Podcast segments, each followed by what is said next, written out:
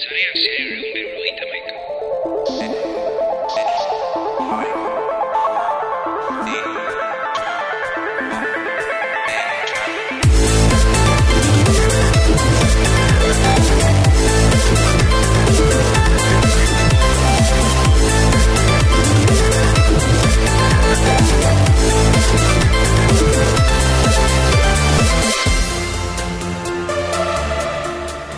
Eskuntza, zientzia eta kulturarako nazio batuen erakundea, edo hobeto ezagutuko duzue UNESCO bezala, e, otxaiaren amairuan e, esarri zuen, konkretuki 2000 eta amabian, e, irratiaren nazioarteko eguna. E, Bueno, e, edo, gu mm, normalean moldatzen garen komunikabidea bada, hau da, hau podcast formatuan e, entzun arren gure gure helburu azkenean da irratia eta irratiko formatua eta irratiko e, eskuntza erabiltzea eta e, esan, esan genezake gure gure edabidea egun urte bete, bete dituela. Kontua da, ba bai, aurten bat egin dutela alde batetik irratiaren nazioarteko eguna eta bestetik irratiak egun urte bete e, dituela. Aurten e, UNESCO e, hautatu duen leloa e, data hau ospatzeko izan da irratia mende bat informatzen entretenitzen eta esten e, gure kasuan lehenengoa bai batez bigarrenean moldatzen gara hobeto baina gea da irratia azken egun urtetan e, importantea izan dela e, herrialde guztietan, sozietate guztietan eta hainbat e, momentu e, momentutan historian zehar e, berriak edatzeko eta batez ere ba, konstituzioan ere agertzen den eskubide bezala informazioa eh, elarazteko herritar guztioi, beraz, sorionak irratea egun urte gaiagorako.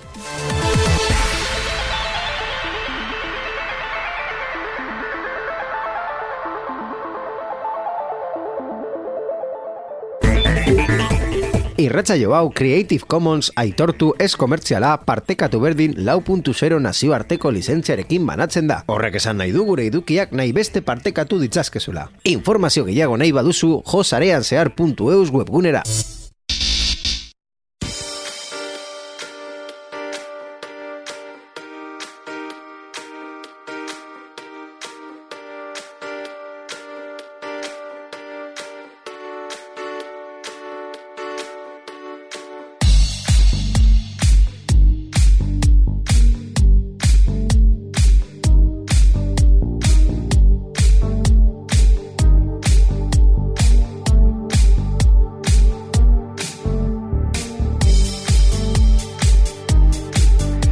Eta erratiari buruz e, hitz egiten, egun urte ez daukana, baina horretan dago.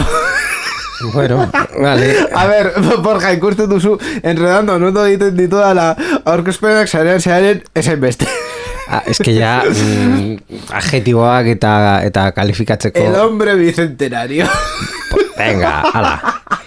Bueno, Por jarmos arratsaldeon. Beitu, beitu, programa hasi baino lehen eh, argudio bat bota dut eh, ez, ez, ino esaten du ez, ezin, mm, ez dela posible pertsona batek eh, bizitza oraindik eh, biziriko oraindik ba, balego eunda berrogeita mar urte bete egingo zuela mm, gaur adibidez, bere urte betetzea izango balitz.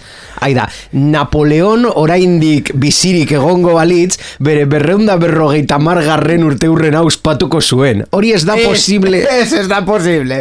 Hau da, e, gehien bizi den pertsona, eh, bizi, uste, Momentuz. bizi zuela, e, eunta hogei urte horrelako zerbait, eunta ma piku. Bueno, momentuz. Esaten baduzu, norbaiten, e, em, norbaiten em, jaioa izan, izan zela duela eunta berrogeita mar urte, por ejemplo, ba ondo, baina esatea gaur eunta berrogeita mar urte beteko zituela, Ez que zinezkoa da.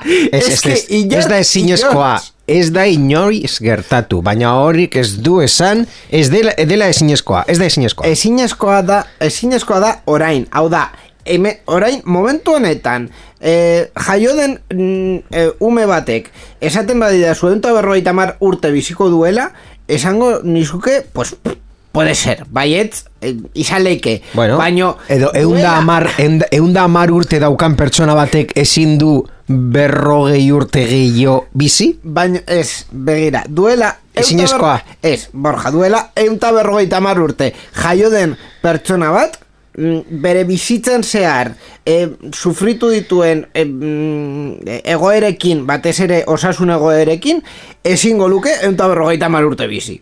Así te lo digo, así de claro. Orduan, irratiarekin... Medikuntzan zehar, zure programa biologiko medikoa. Argudiorik gabe, o sea, hau inventatu dut, eta ya, o sea, ez, ez dizut esan, "Eh, ez hau horrela esango da, Eh, ez, o sea, hori da nire teoria.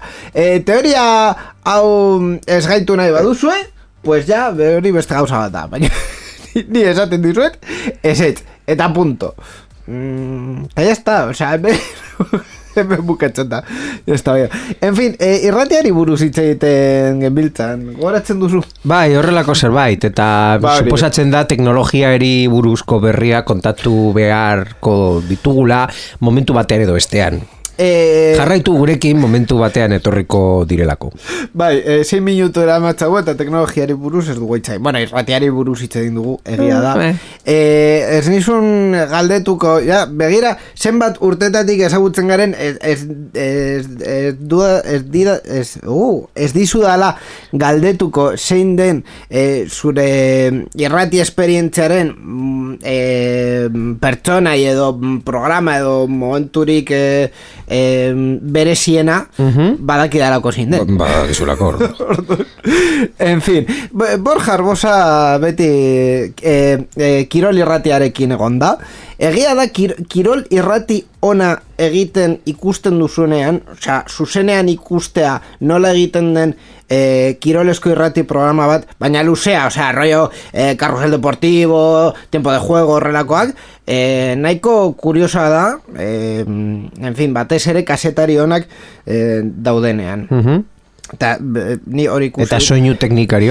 Jo, soinu teknikari honak baita normalean konexio asko kudeatu behar direlako orain esain beste, baina egia da e, ba, ni bere garaian Radio Euskadin egon nintzenean e, basegoen e, edu ez dut gogoratzen bere abizena baina bueno Euskadi- Edu ditzen zen. edu ditzen zen eta Radio Euskadin jarraitzen du e, eta berak egiten zuen be, lau bost sei orduko e, programa gidoirik gabe. Mhm. dena memoriaz Osea, berak kontrolatzen zuen no, noiz tal, no seke. Guzti guztia e, memoriaz nora ditzen da mutil hau? Edu Garzia Aha. Edu Garzia, ja, e, egiten du gaueko kirol programa, baina, bueno, osea, quiero decir, beste irratietan badauz gidoi gehiago erabiltzen dituztenak, baina e, berez ere programa horiek entzutea eta eta ikustea nola egiten diren e, nahiko kuriosoa. Bueno, eta gidoia aipatzen baduzu gu e, baita ere gidoi bat Nire daukagu. parte ere kontatu nahi nuen, ni Bai, badaukat ere nire, nire momentuak eta nire memoriak irratiarekin. Bueno, batez ere, hiru hilabete pasada nituela irrati profesional batean. Oso ondo. Adibidez, Bai. por ejemplo, ni bizi nuen irratian nola kontatzen zen e, eta e, esan zuenean ja disolbatzen zela. Aha. Hori iz- izan zela 2008 sortzian, bai, 2008 sortzian, eta momentu horretan, ojo, nola jarri zen erredakzioa, eta ze mugimendu, zegoen, hor ni hor bekadun bezera nengoen ikusten ze gertatzen zen, hasi, como la vaca mirando al tren, egia esan da, baina ni esan dezaket, eh, momentu hori bizi nuela, eh, Zuzenean, kaseta- bai. kasetaritza enpresa batean. Mhm. Eh, eta kontatu zen, eta eh, informatibo bereziek egin ziren, eta guzti guztia. Osea que... No, a ber, nork esan duen hori. Bueno, irratia, irratietan lan egiten dituzte guztiak. bai. Hori da. Eh, ez nahi zain berezi, badakit. En fin, bai, Borja, egia da, egia da, gidoia badaukagu eta teknologiari buruz hitz egiten dugu programa honetan, bueno, normalean, sarreretan ez, dirudi ere, baina gero, bai.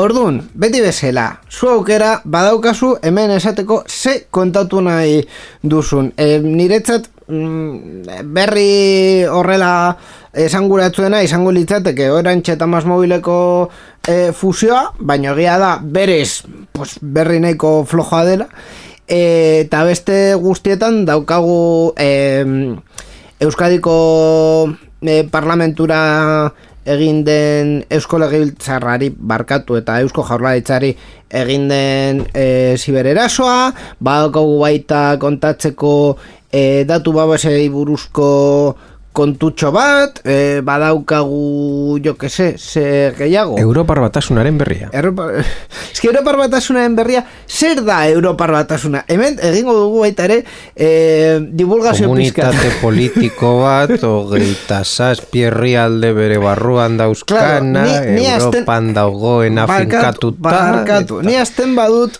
eh, esan ez giza eskubideen Europako hausitegiak. Hau da Europar batasuna? Ah, vale, edo ez, ez, hori ez da. Ez, hori ez da. Europar batasuna. Vale, orduan... Hala, Europar batasunaren berria da gidoiaren azkena hor dago eta apeli buruz eh, baita ere eh, hitz egiten du.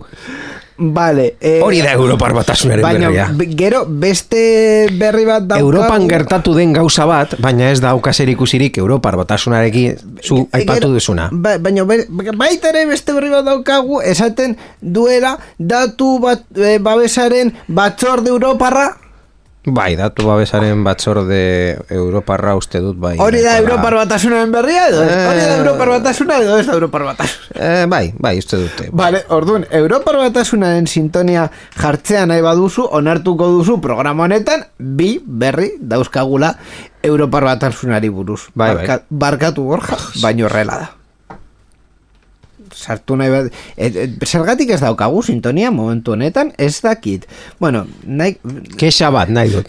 Da, hemen jarri. Hau da, e, e, nola? Hau ezin ezko. Programa guztietan hitz egiten dugu Europar batasunari buruz. Ez, ba, baneukan baino faderra behan zegoen Ah. Ez da entzun Orain bai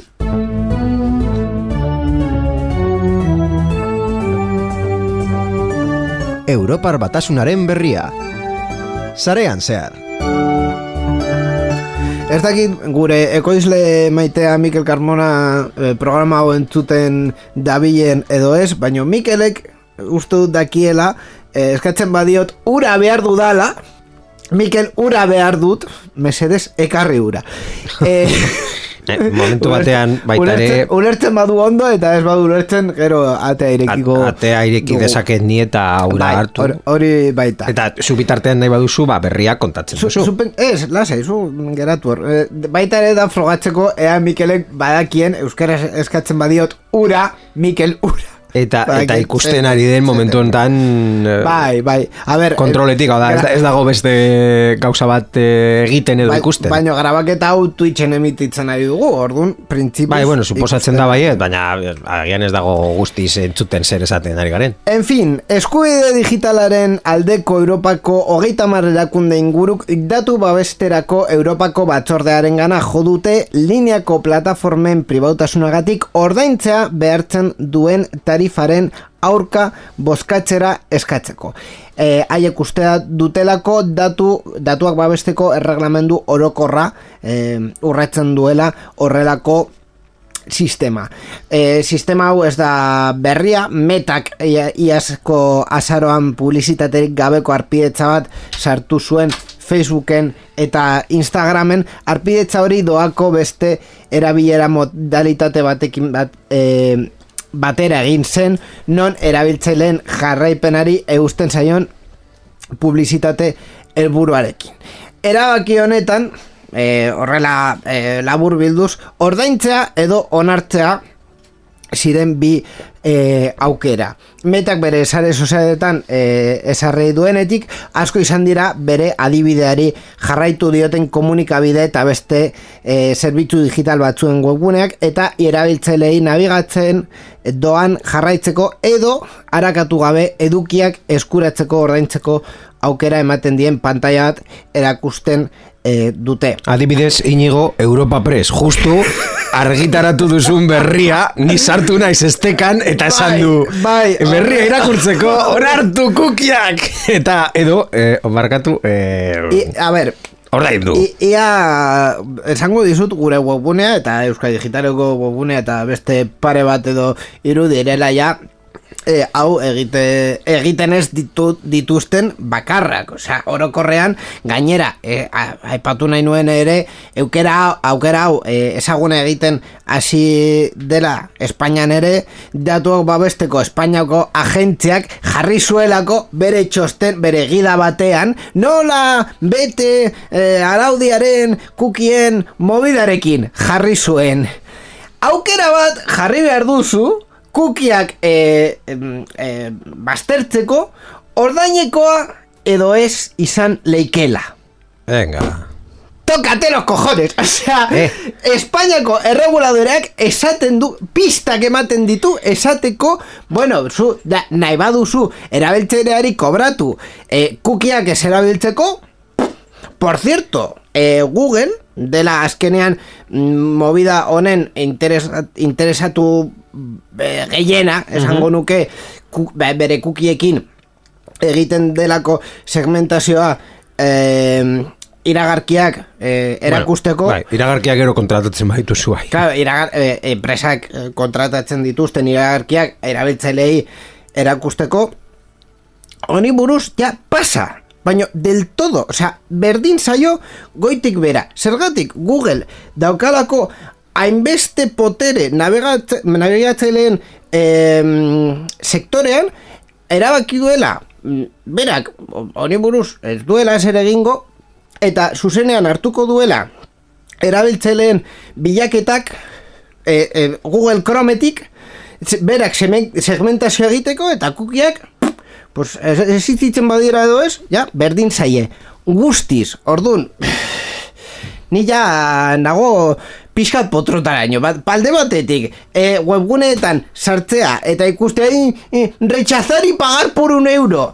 Eldiario.es begira, izenak esango ditut. Eldiario.es Bai, bai, es que berdin da, ni Europa Presen sartzen Bai, naiz eta egia- egia da, eta el berdin dela. periódico, el confidencial, el otro y el de la Egia moto. da, berdin dela, baina niri mm, joditzen nauen konkretuki kasu bat da, eldiario.es eskerroekoak direla esaten dutela, eta... Bueno, eh, eskerrakaak nahi duzun guztia, baina arpidetza bat daukate eta jaten dute Claro, guz- baina, egun gauza, guztietan. baina gauza bat da, ba- Bor- borja barkatu, baina gauza bat da, arpidetza izatea eta esatea, bueno, gure produktua balorea dauka eta balore daukanez ordaindu mesedes produktu hori konsumitzeko, Mm. Vale? Hori gauza bat da, osea, hor balioan eh, sartzen duzu eh, dirua, vale? Edo eh, eh, eh, produktuaren balioa eh, prezio batean biakatzen duzu, vale? Baina eske ja sartu gara pribautasunak balio bat daukala eta ordaindu behar dugula eskubide batet, eske Bueno, a ver, hemen, hemen eztabaida Ai, ama. hemen, hemen eztabaida bat hasi dezakegu. Bueno, Bai, eztabaida mesedez. bi agian, baina Bai, hasiko naiz mesedez. eh, puntutik puntura. Venga. Lehenengo eztabaida eh, mm, negozio modeloa, eh, kasu honetan kasetaritza daukan negozioa modeloarekin doa. Eh, kasetaritzaren eh, negozio modeloan betidanik edo iaia betidanik egonda publizitatea. Hau da, eh, kate telebistan edo irratian edo egunkarietan nahi desun lekuan, nahi Bai. zeta eh, egunkariak presio bat izatea, bueno, doainezkoak egon dira, baina egunkariak mm, normalean normalean daukate bai, presio. pa, paperean erosi behar normalean dituzu. dira. irratiak normalean ez dute inoiz edo nik ez, dut inoiz edo ia inoiz entzun irrati bat entzuten gatik eh, eh, or, arpidetza bat ordaintzea Ar, eh, arpidetzako irratia luxusko podcast mm, alde batera Bai, utzita, baina arpidetzar- irratia podcastak entzuteagatik badaude, baina er, irratia FM edo AM irratia. irratiko emisio ba, a ber, kodifikatu aldituz irratiko emisioak Bai, baina Kanal Plusekin bezala egiten Vale. zena. Eta, Bai, eta eh, telebistarekin da, dakigunez, ba, batzuk doainezkoak eta beste batzuk ba, ordainezkoak, Ordainpekoak, baina hala ere, iaia guzti guztiak e, minimo bat jartzen dute. E, mm, eta e, mm, Espainiako telebista e, publizitatea kendu zuena, baina gutxienez ematen dizu bere gauzen publizitatea edo kultural e, aitziakiarekin baita ere, ba, mm, iragarki batzuk sartzen dizu, Bai. baina ez asko. Bueno, Bai. vale. E, hori e, mm, iragarkiak orokorrak zirenean, ba, ez zitzaigun asko importa, zen azkenean, ba, bueno, bai, ni eh, serie bat edo pelikula bat edo programa bat ikusten naiz, eta pff, hemen 6 minutuko publizitatea sartzea, ba, e, pizka bat e, molestatzen zaitu, baina hasta aquí. Baina e, interneten publizitatea hasten denean, eta zu esan duzun bezala Googleekin, Googleek astertzen duela, e, kontsumitzailearekin nola konportatzen den, bere jarduera, bere harrera eta eta hori guztia ja e, publizitate personalizatu batera heltzen dira, eta hori ja ukitzen du, sa, zuk esan duzun desala, pribautasuna. Ordun, e, iragarki hori guztiak, eta berdin zait, politika, ekonomia, e, kirolak, nahi desuna, guztiok mm, bizitzen dira pizka bat, edo asko, publizitatearekin. Agian, arpidetza bat ordaindu behar duzu, baina hala ere, zuk e, egunkari bat ero, erosterakoan, baita ere erosten zenuen presio bat, e, or, ordaintzen zenuen presio bat, barkatu, eta, Eta iragarkiak eta iragarkiak, mm, zeuzkan, bale, ba, ez da gauza bat berria, eta ezin duzu espero e, arpidetza bat ordaintzeagatik e, iragarkiak ez, ez izatea. Baina, mm, ja, puntu bat gehiago zeharkatu dute, eta ja, pizka bat, zuk esan duzun bezala, ukitzen dizute personalki. Eta hemen dago bigarren eztabaida. Ni orain arte, ikusten nuenean kukiak onartu edo kukiak baztertu, gehienetan ematen duela ematen nuen onartu. Zergatik? Ba bueno, ez zitzaidan importa, bale? E, mm, agian ez, ez, mm, ez naiz bakarra, edo bai, agian izan naiz hori egiten zuen bakarra, gehienek egite esaten zuten, baztertu ez dut dai, baztertu ez dut dai, eta horregatik behartu diete e, ba, publizitate blokeatzailearekin bezala, hau da, ez dizut edukia e, ikusten utziko, zu e, nire sistema, publizitatea edo e, kukiak onartu arte. Baina eski orain, ikusten dudanean, hori balio ekonomiko bat daukala, ordain ja, ja ez zaita inbeste grazia egiten onartze botoiara mate- matera. Beitu, Eh, orain arte, ematen claro. nuen noainik, baina orain, e, alternatiba ordaintzea denean, esaten dut, eh, eh, Claro. Eh, txoin, txoin, txoin momentu bat. Hau da, nik onartzen badut, zuek dirua irabaziko duzuen irekin? Baina, Claro. hori ja gertatzen zen, baina niri ez zitzaidan inporta zen hor zegoen nire e, e, mm, baztertuen botoia. Claro, es que- e, edo zein momentuan Ust- ema, eman alnion. Uste dut kontua dela eh, eskubide bat... Pandora kutxa nire ustez hor claro. pizka bat ireki duten gutxienez nirekin agian Claro. jendeak esaten du ba, tontakeri bat esaten ari zara, baina ni- Niretzat da eskubide bat izateko edo eskubide hori eh, Bai. eh, eh, Praktikara praktikara eramateko presio bat ordaindu behar dut. Bai. Ojo, eh? Ojo al tema. Baina, bueno, a ver, hau baita ere, esango dizut, ez da, ez dela berria, gogoratuko duzulako ministro bat deitzen zena, Jose Luis Ábalos, esan zuena, Bueno, kontuz, kontuz. Ez, ez, ez, ez, ez esan hori. Ez, ez, ez, ez dakigun orden. Ni ez dakit, no, no, Bai, ez, ez, ez bai, dut bai. entzun iz- izen Bai, hori bai. nire bizitza osoan. Ez Jo, dakit. Jose Luis Ábalos Ez, ez, ez. esan zuen etxe bitxit, etxe Konfunditu bizitza- zara, konfunditu ez- zara. Etxe bizitza eskubide bat zela, baina baita eh, merkatuko eh, mer, merkatuko balio bat. Orduan, Bai, bai. En fin, eh, hor, hor ja, eh, ba, oza, hautesi berdina jarraitzen du, no? Oza, pribautasuna bada zure eskubidea, baina eskubide hori aurrera eramateko ordaindu behar baduzu edo ez, ja, beste kontu bat da. Oh, en fin, niri asko kostatzen zait mm, kontu hau, mm, eh, en fin, eh, onartzean nire bizitzan, egia esan da ere, azken eh, hilabetetan, ja, eh, we- webguneetan sartzerakoan eta bar, eh, esaten diot onartzea, baina eh, eh, leio pribatuan batean nahuelako, ordu, ze datu eskuratuko dituzu, nigaz, Bai, Zero. bai, dau- eh, Leio pribatu horretan ez daudaturik.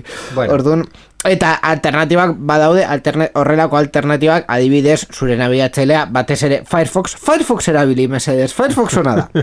Firefoxen jartzea nabigatzailea izten duzun bakoitzean datuak esabatzea. Hori baita ere eh, posible da. Orduan, Ba bueno, eh, horrekin eh, be- banaldi oso onartzea ez dagoen ez daturik, pues, pues, eh, pizkat berdin zaizu historial hori ez, ez dute topatuko. Orduan, baina claro, eh, f- ne, ne.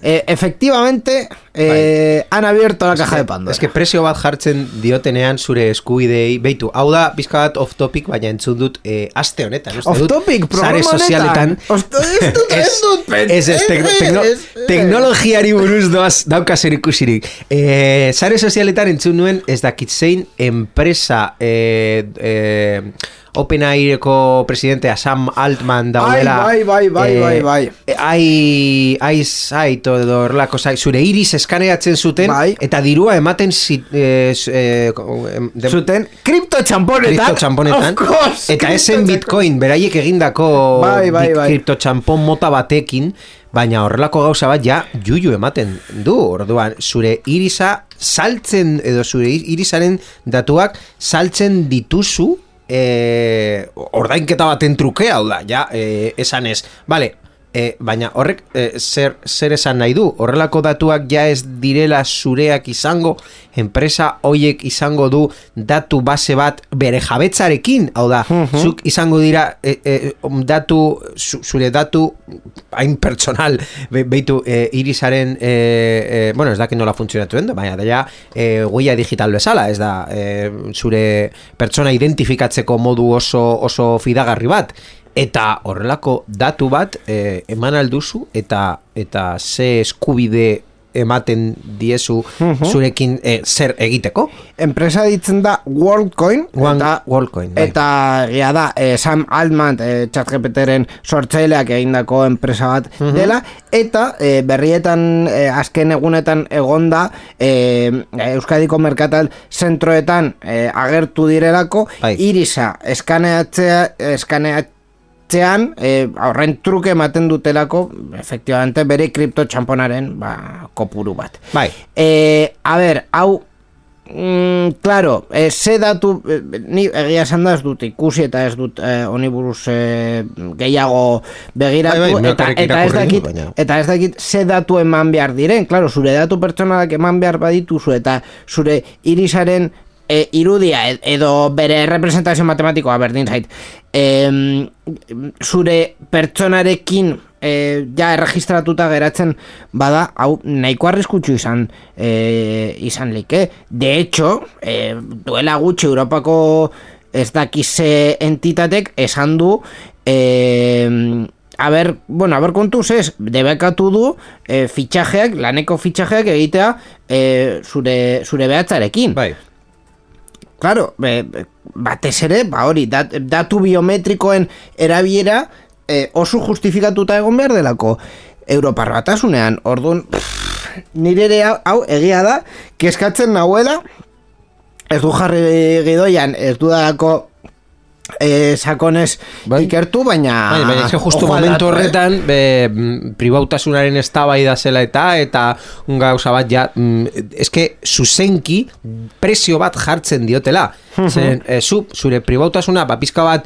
e, alde batera usten duzuenean baina ez dago prezio bat edo edo edo zuzenki ez dute esaten ordaindu edo ordaindu ez edo doainez edo horrelako mm, a la cara ez ez dute esa- ez ez dutenean esaten ba pizka bat ez duzu mm, kontzientzia hartzen baina ja zuzenki prezio bat jartzen diotenean zure pribautasunari orduan or- mm, uste dut jende gehienak esaten duela espera, espera, itxo un momentu bat Claro, claro. Zango dizut, Borja, eh, antipodcast batean eh, bi- bilakatu garela. Ja, momentu honetan, osea, ni ja ordu erdi honekin konturatu naiz. Lehenik, lehenik eta bain teknologiasko podcast batean, eh, teknologiaren izan da ia gutxiena, baina beste partetik, teknologiako podcastetan normalean, ah, ze ondo, ze, que, que innovador, Sam Altman, ai, guru, eta ez daki zer, eta gu hemen, hasi gara, esan, bueno, a ver, eh, lo de rechazar y pagar puta mierda, eh, Sam Altmanen Baina- movida hau, puta mierda, eta eh, eh, urrengo berriarekin ja, eh, apostua egiten, suposatzen dut, postuko galera, Apple eh, izun bat jasotzea. Bai, baina eski gu abantaia oso garrantzitsu bat daukagu. E, Sam Altman ez gaitu ordaintzen, ez da Apelek ere, Ez. da, bueno, hemen... Saiatu ginen Euskaltelekin zerbait izatea, baina ez daukagu. Ez, ez, ez, orduan... eh, Eta orantxe eta barbori buruz jo. Bost, bosta sola, ez dugu ezer galtzen denbora alde batera. Ba, ba hori, eh, antipodcasta gara. Ze polita gure Europar batasunaen sintonia Netbarnerrek egindakoa. Ez dugu asko komentatzen, baina bai, Bai. E, sintonia hau e, duela ja amar urte edo lako zerbait nire, de, nire gaueko delirio bat izan zena, bilakatu zen sintonia oso polit batean, 8 bit, e, sortzi bit estilo honetan, eta nahiko gustatzen zait. En fin, Financial Times esan du Amerikako estatu batuetako enpresa teknologiko erraldoia zein Apple kasu honetan. E, bere nagusitasunaz abusatu omen duela streaming bidez eskaintzen dituen musika zerbitzuei lehentasuna emateko. Konkretuki, bueno, ez du Financial Times esan, esan du Europar batasuna, bosteun milioi euroko izuna e, jartzeko prestatzen ari dela Apeli, esan dugun bezera. Zigor handi hori Europar batasunak Appelen aurka jartzen duen lehena izango litzateke, Europako batzordeak monopolioaren aurka irekitako ikerketaren emaitza izango da. Ikerketa horren ondorioa izango da enpresak erkideoko leia arauak urratzen dituela, eta egunkani Britaniarren, ez nekien Financial, Financial Times Britaniarra zela, begira. Ah, esan, bai, esan duzu Amerikako estatu batuan, baina ez... Eh, Ez, da Amerikako, Financial ez, Times. Amerikako estatu batuetako enpresa zen Apple, vale? Financial Times egia da Britainiarra dela. Vale, ba, bai. Martxoan, martxoaren hasieran iragarriko duten neurria, orduan pizkat aurreratu gara, bueno, zurrun burrak pizkat aurreratu gara. Zeri buruz dijo a movida hau? Ba, ikerketa Spotify 2008an egindako salaketa baten ondoren bultzatu da eta Applek denda virtuala, bere Apple Storean, erabiltzen eh, duten aplikazioen garatzeilei esartzen dizkien murrizketak eh, murrizketetan oinartzen eh, oinarritzen da. Erabiltzailei arpidetxa aurkera, aukera merkeagoen berri ematea eragosten dietelako.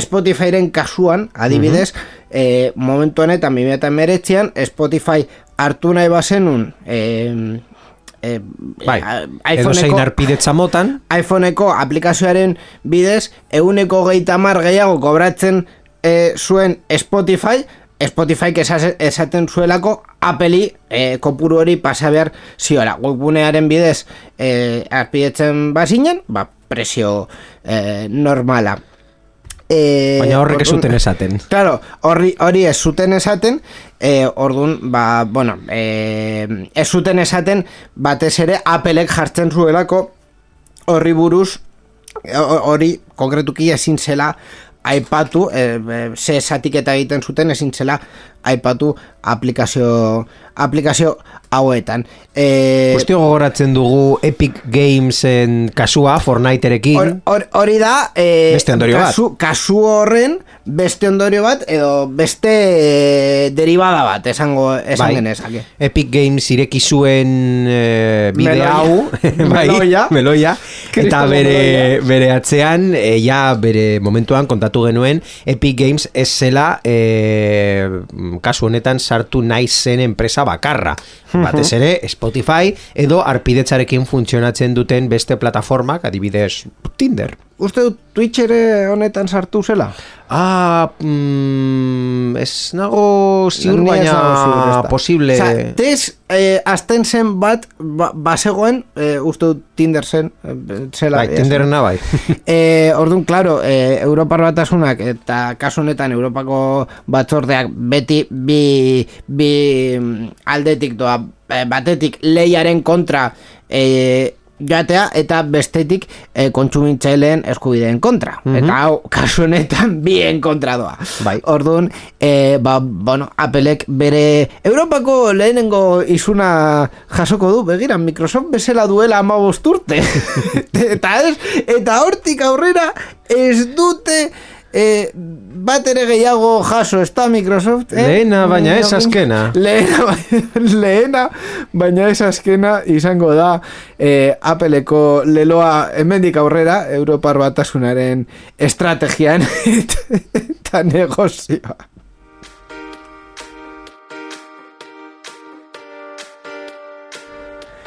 En fin, menuan beste gauza batzuk ditugu, ze, ze nahi duzu komentatu orain, Borja? Ba, bueno, zu kontatu duzu Orange eta Mas Mobil Ah. zerbait egin dutela eta Ai, ai, ai, zerbait baino gutxi. Hemen Ai- ere... aipatu beharko Eh, dugu. Hemen ero, Europar batasunaren berriaren sintonia jar genezake, Europako batzordea, Europako batzordea Europar batasuna da? Bai. Vale, ordu, orduan sintonia jarri dezaket, baina du jarriko. Kontua da, ba bueno, e, Europako batzordeak baimena eman e, duela Orange eta Masmobilen e, ba- bateratzea e, aurrera eramateko. Gogoratuko dizuet pizkat e, mobida. E, eta pizkat eh, aurrerago ikusiko dugu ere kontua da Orange Mas Mobil berri hau martxoaren amaieran hasiko dela martxan amazortzi mila seireun milioi euro inguruko balioa daukan enpresa paperean e, eratuko dute Espainiako merkatuan lehen postuan egongo dira bezero kopuruari dagokionez baina telekomunikazioen arloan fakturazioan batez ere bata handiena eh, esan... Borja, aurpegi dauka, esan, es- estás a punto de decir una grande y libre, ez dut esango. Ez, ez, ez. Eh, telefonika, eh, badakigu, gaindit, gara, garai, garaia dela, kontu hauetan, ordu, ba, telefonika lehenengoa. Lehenengoa eta handiena. eh, Orange eta Masmobil, por cierto, Masmobil, kakotxen artean gipuzkoar jatorrikoa eta ja badakigu Euskaltel eh, orde, eh, erosi zuena. Eh, Espainiako estatuko merkatuko bigarren eta lan, laugarren enpresa handienak dira eta, bueno, komentatu dugunez Europar batzordearen eh, baimena jaso dute. Konpainia berri hau momentuz ez dauka izena eta momentuz ere ministroen kontseiloaren oniritzia jaso behar du, baino egia da e, konpainia honetan egingo dutena, azken finean izango da operadore berri bat e, sortzea ikusiko dugu ze markarekin e, haien aktiboak eta ekipoak eta bar kombinatuz eta printzipioz mm, ba, zerbitzua emango diete operagailu berri Honekin, zazpiko mairu milioi bezeroi banda zabalean, hogeita mar milioi bezeroi mugikorrean, e, eta e, 2,2 milioi bezeroi telebistan. Hogeita mar milioi bezero telefonoan, telefono mugikorran, da gutxi gora bera, e, merkatuaren irura ordena izatea, mugikorretan Bai. gutxi gora bera, así haciendo números grandes, eh? Egia da, mm, eh, eh, pertsonak baino, ba- barkatu, mm, eh, bai, pertsonak baino mugikor gehiago daudela eta gauzaik, baina bueno, eh, en fin, hau da ba- batez ere eh, kontua, joint venture bat egin dute, horrela, Bai. nahi baduzue jakin, eta azkenean, eh, edo azken finean, eh, merkatua horrela geratzen da, alde batetik orantxe eta mas mobil bere joint venturarekin, bestetik telefonika berriz, eh, ez dakit zergatik batzutan esaten dudan telefonika eta bestetan telefonika. Ez dakit, berdin da. Eh, telefonika... Eta ez telefonika. Telefonika inoiz Eta eh, beste telef telefonika Oi ama Ah. Bere aldetik eh, STC Saudi Arabiako eh, telefonia enpresa publikoaren eh, sarrera eh, badauka hor mm, que si sí que si no eh, Espainiako estatuaren eh, onarpena ere jaso behar eh, dute eta sepiak ere a ber, eh, sartzen den edo ez sepi da es- Espainiako gobernuko eh, inbertsioen enpresa, básicamente. Vale, pizkat eh, eh, entitatea es sozietatea, es Sociedad Estatal de Participaciones Industriales. Egia da. Eta beste partetik, sektore honetan daukagu Vodafone, e, zegonak erosi duena, baina baita ere onartzeko dago operazio hori bost mila milioi euro e, gastatu ditura be, zegona Vodafone erosteko, garbitzeko eta saltzeko Euskaltelekin egin zuten bezala. Mhm. Así que horrela daukagu Bai, bakoitza merkatua. bere saltzak dauzka. bakoitza bere saltzak dauzka, baina egia da gaur egun momentu honetan usaintzen duen gehiena, e, Orange Mas mobilekoa da, gainera e, biek mm, marka asko eta bezero asko dituzterako, osea, Mas Mobil bakarrik dauka una cartera de marcas, osea, e, ikusteko da haien webgune korporatibo eta korporatiboan sartzen bazarete, bere egunean egin genuen hemen ere ikusten duzu Euskaltel, guk, R, Telekable, Mas Mobile, Bar, Ali, kosas ez dakize eta bakizer, dauzkate mila milioi.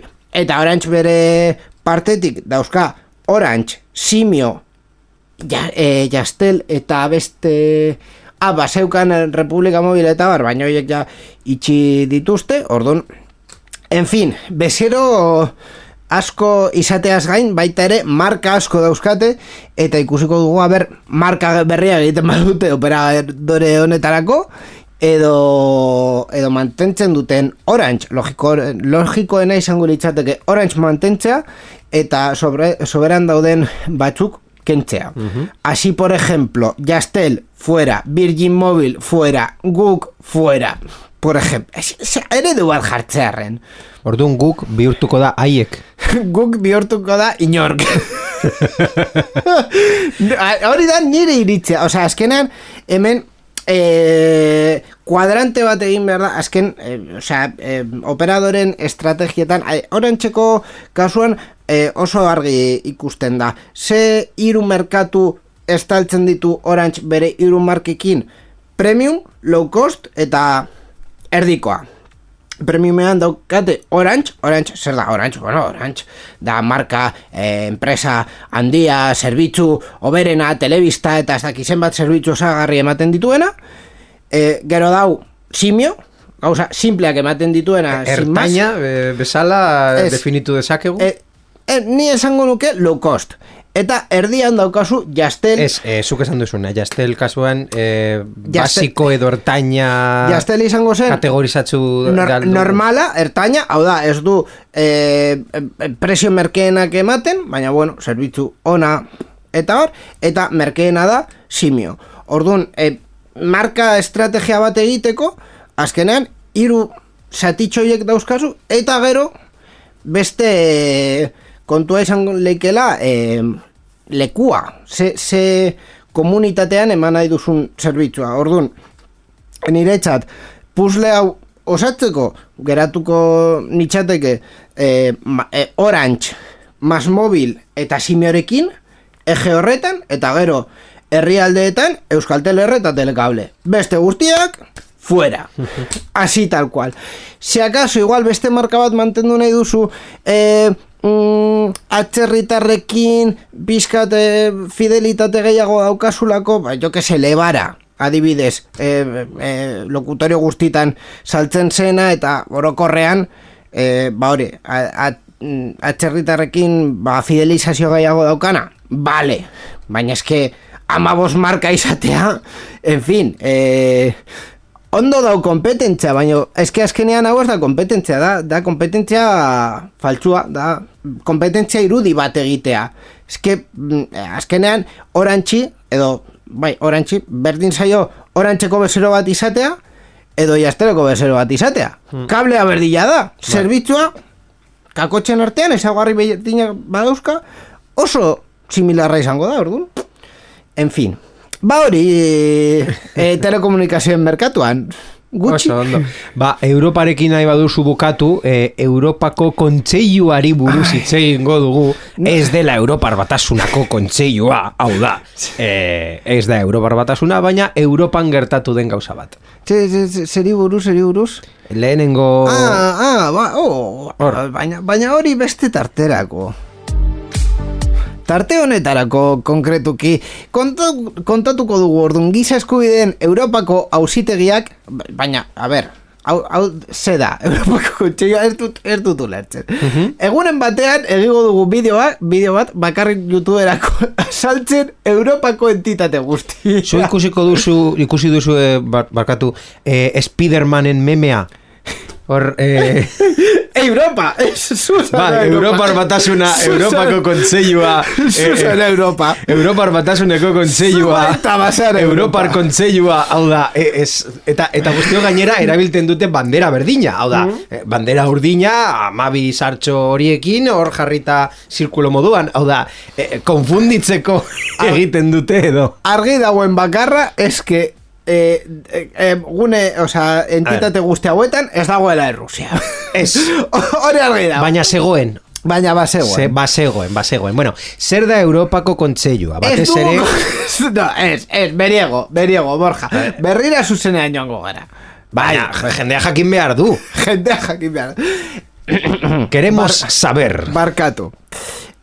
Eta orain zarean zearen Europako kontseiluko eh, definizioa Borja Arbosarekin.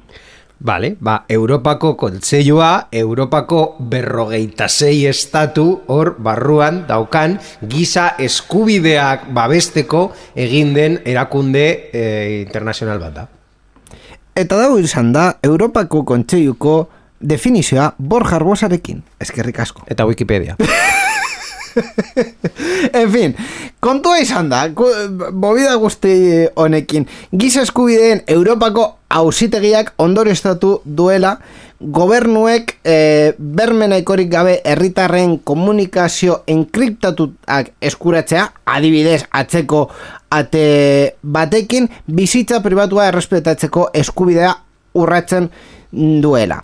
E, zein da kasua, ba, e, hau, e, e, sententzia hau, e, 2008ko kasu batetik dator, errusako agintariek telegramik konkretuki, ez bestea, telegrami, terrorismo kasu batean, sei susmagarrien elkarrizketak entregatzeko eskatu ziotenekoa, Mesularitza zerbitzuak uko egin zion, argudiatuz teknikoki ezinezkoa zera agindua betetzea, erabiltzaile guztientzako zifratze mekanismoa ahuldu lukeen atzeko ate bat sortu gabe.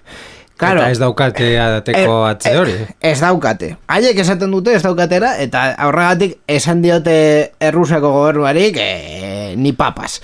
Eh, claro, errusako gobernuak esan zuen bai, emaidazu, baiet, eta punto. Eh, bigarren be, dokumentu, bigarren auto horri urtebete geroago e, demandatzeleak eta hogeita hamar e, per, beste hogeita hamar pertsonekin batera e, hausitegi e, batera eraman zuen konkretuki giza eskubiden Europako hausitegirak e, er, eraman zuen eraman zuten kasu hau eta e, hauek argudiatu zuten Errusiako agintariek eskatzen zituzten destifratze gakoak ematea aukera emango lukeela erabiltzaile guztien komunikazioak deszifratzeko. Errusiako legeak eskatutako baimen judizialik gabe. Gainera, venga, ja, baimen judizial, zertarako. E, Errusiak 2000 eta hogeita biko iraian itxarmenen hau sinatzeari utzi zion arren, hau da, ja ez dago giza eskubideen Europako hausitegian, baino sententzia emititu e, dute aurre, e, e, e, zen hau aurretik gertatu zelako. Bai, eta bueno, ja ofizialki eh, erantzun bat emateko, ba nire ustez gauza nahiko logiko bati. Hau da, am- hor- horrelako eh, em, ariketak eh, estatuaren partetik edo horrelato eskaerak hobeto esan da estatuaren partetik ba, ez direla legalak batez ere eh, juten direlako eh, pertsonen eskubide nahiko basikoen kontra. Hau da zure pribautasunaren eskubidea eta gainera eh, epait epaitegi batean zehar ez bada juten, ba, gutxienez epaitegi batean ematen dizute garantia, bon, gero ere garantia horiek egon behar dira, baina eske ja ez badago epaitegia, ez dago garantia, ez dago ezer. Claro. Orduan, nire ustez gauza nahiko logiko bat. Azkenean, ba bueno, eh, eh, pizkat eh, ba- ba- barme bat egon behar da, ez? Eh, eta eh, bueno, eh, eskubide batzuk ere mantendu behar behar dira. E, ba bueno, mm, honekin ez dakit beste epaitegi batzuk e, sententza hau erabiliko badute etorkizunean, baina printzipioz sententza badaukagu. Oye, Borja, bukatu baino lehen, badakit ez daukaguela titulol, ja, eh, eser que ez nahuelako harritzen, así que, así que ya, eh, ai, bu- bueno, egunen batean kontatuko dizut, mm, zerk harritu nauen, eh, asten, eh, kontatuko dute irratian zerk harritu nauen aste honetan erabiltzaile batekin eta ireki duen tiket batekin. Ez dizutu orain kontatuko? Baina, kontatuko dizut, egunen batean. Kontua, ze gertatu da, ze gertatzen ari da Apple Vision Prorekin ni gaiu horri horretaz maite minutan hauela eta Mm. hainbeste gustatzen zaidana. Eta oso oso erabilera logikoak dituena sare sozialetan. Osea Ah, babeitu ez da kasualitatea inigo sare sozialetan Vision Pro sarietako jabeek esatea irumila eta bosteun dolar itzuliko dituztela azken egunotan. Bere nestei bidaia amaitu da, e, Applek aukera, ematen dizu edozein produktu itzultzeko, ba, erosketa egin eta malau eguneko epean, ba, eh, de evoluciones de toda la vida, eta Vision Pro erosleen lehenen boladako, ba, un horretan bertan gaude. e, noski, zergatik, ba, erosotasuna dago itzultzeko arrazoi aipatuenen artean. Jendeak esan du, entzungailuak buruko mina ematen diela, eta mugimenduko gaixotasunak eragiten dituela. Gailuaren pisua eta gehien aurrealdean kargatuta egotea beste kexa bat izan da, eta inigoren gusta ere.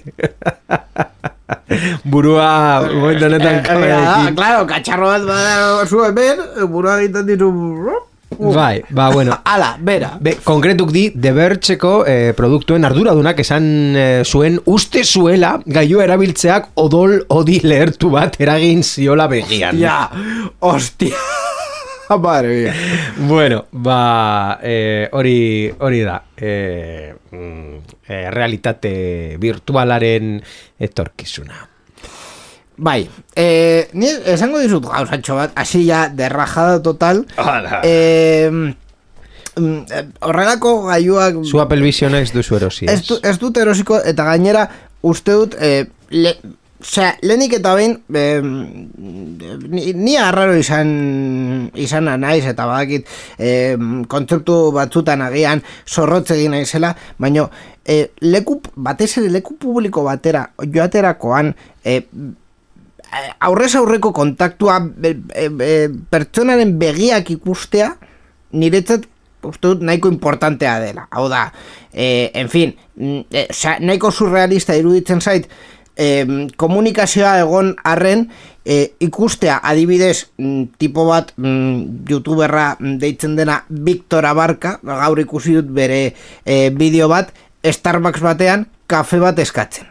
Bai, pertsona eh, normala izan leike, quiero decir, kafea hartzen du eta bar, eta ez dauka eh, arazorik de, mm, en fin, eh, momentu sozial horretan, baina eske kafea jartzen dion pertsona ez du bere, bere, bere, bere begiak ikusten, eske me parece surrealista. Osea, zu, zauz, zure munduan sartuta, azkenean, e, errealitate virtualaren kontua dela hori, zure munduan sartzea, baino kalera soaz kafe bat hartzera. En fin, eh, nire surrealista. Inigo, zuzenduko ditut nire hasieran esan ditudan hitzak. Ze. Ofiziala da, pertsona heldu bat zara. bai, bai. Ja, ze, be, be, be, eh, Simpson aitona Osea- bezala, ¡Eso es jovenzuelo! Horrela, tal cual. Old man yells at cloud. Yes. Yes, correctly. No, de... Thing is, claro, o sea, a ver, ni ulertzen dut zer erabilera izan leiken e, beste testu inguru batzutan, baina, en fin, zure mm, burua jartzea kalean em, tramankulo horrekin, eske iruditzen zait, surrealista. Ni ziur nago ere, eh, eh, eh, komunika, bueno, komunikabidetan ez, YouTubeen bas, basikoki agertu diren eh, YouTuber guztiak Apple Vision Pro hauekin egin dutela hori, erosi, bideoak grabatu eta bueltatu. Bueno, ina, inauteri batzuetan gauza pizu baino gehiago dauzkaten gauza jartzen dute Baina inauterietan da, oza, Bueno, eta aitzakia.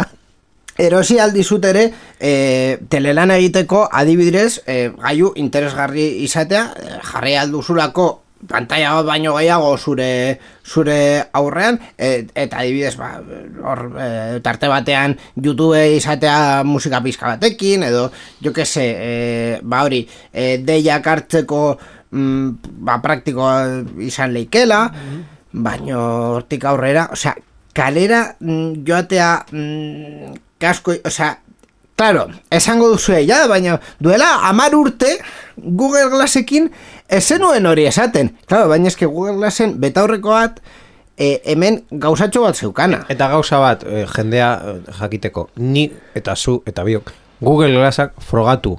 Sí. Bai.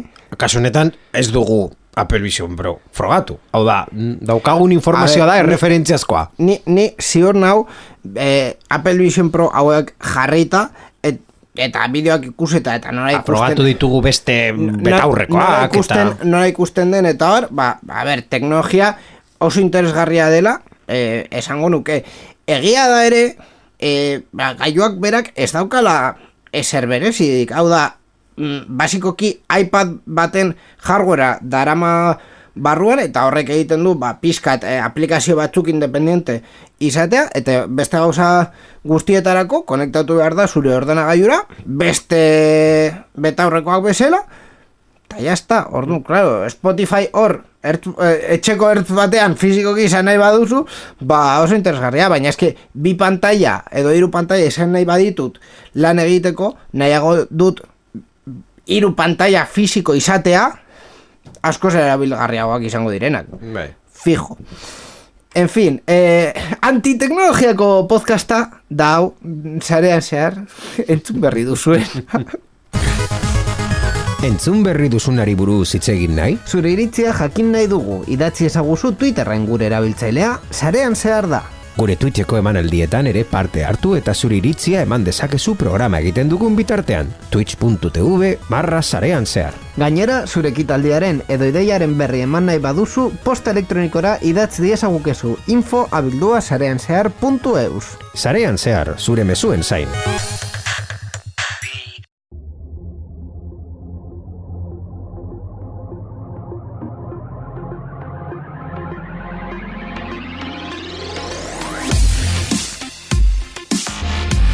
Bueno, entzun berri dituzuen eh, komunikabide guztiak itxita dauzkagu, sare sozial guztiak kendu ditugu eta imeia ez dugu eh, erantzungo, eh, batez ere hater guztiak etorriko direlako, sare, sare, sare, se mierda, no qué, edo sin gauzarako bizun mesedes eskerrik asko. en fin, eh, Ez ez, orduan ogasun publikoa etorriko da.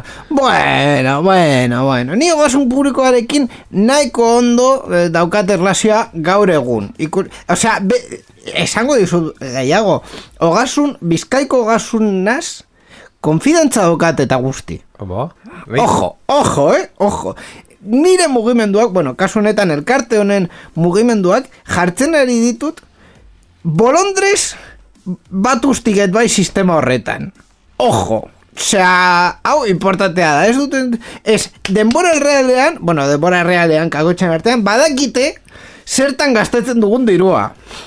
Ba, gogoratu, En fin. hilabete eta piko barru hasten dela errenta kanpaina eta momentu horretan e, ba, Bueno, frogan ni- jarriko nire- duzu zure ogasunarekin Ez, daukasun erlazio Ni- ni- oso polita. Nire errentako kanpaina normalean ere gustatzen zait, bueltatzen diretelako diurua. Osea, Momentuz. Momentuz.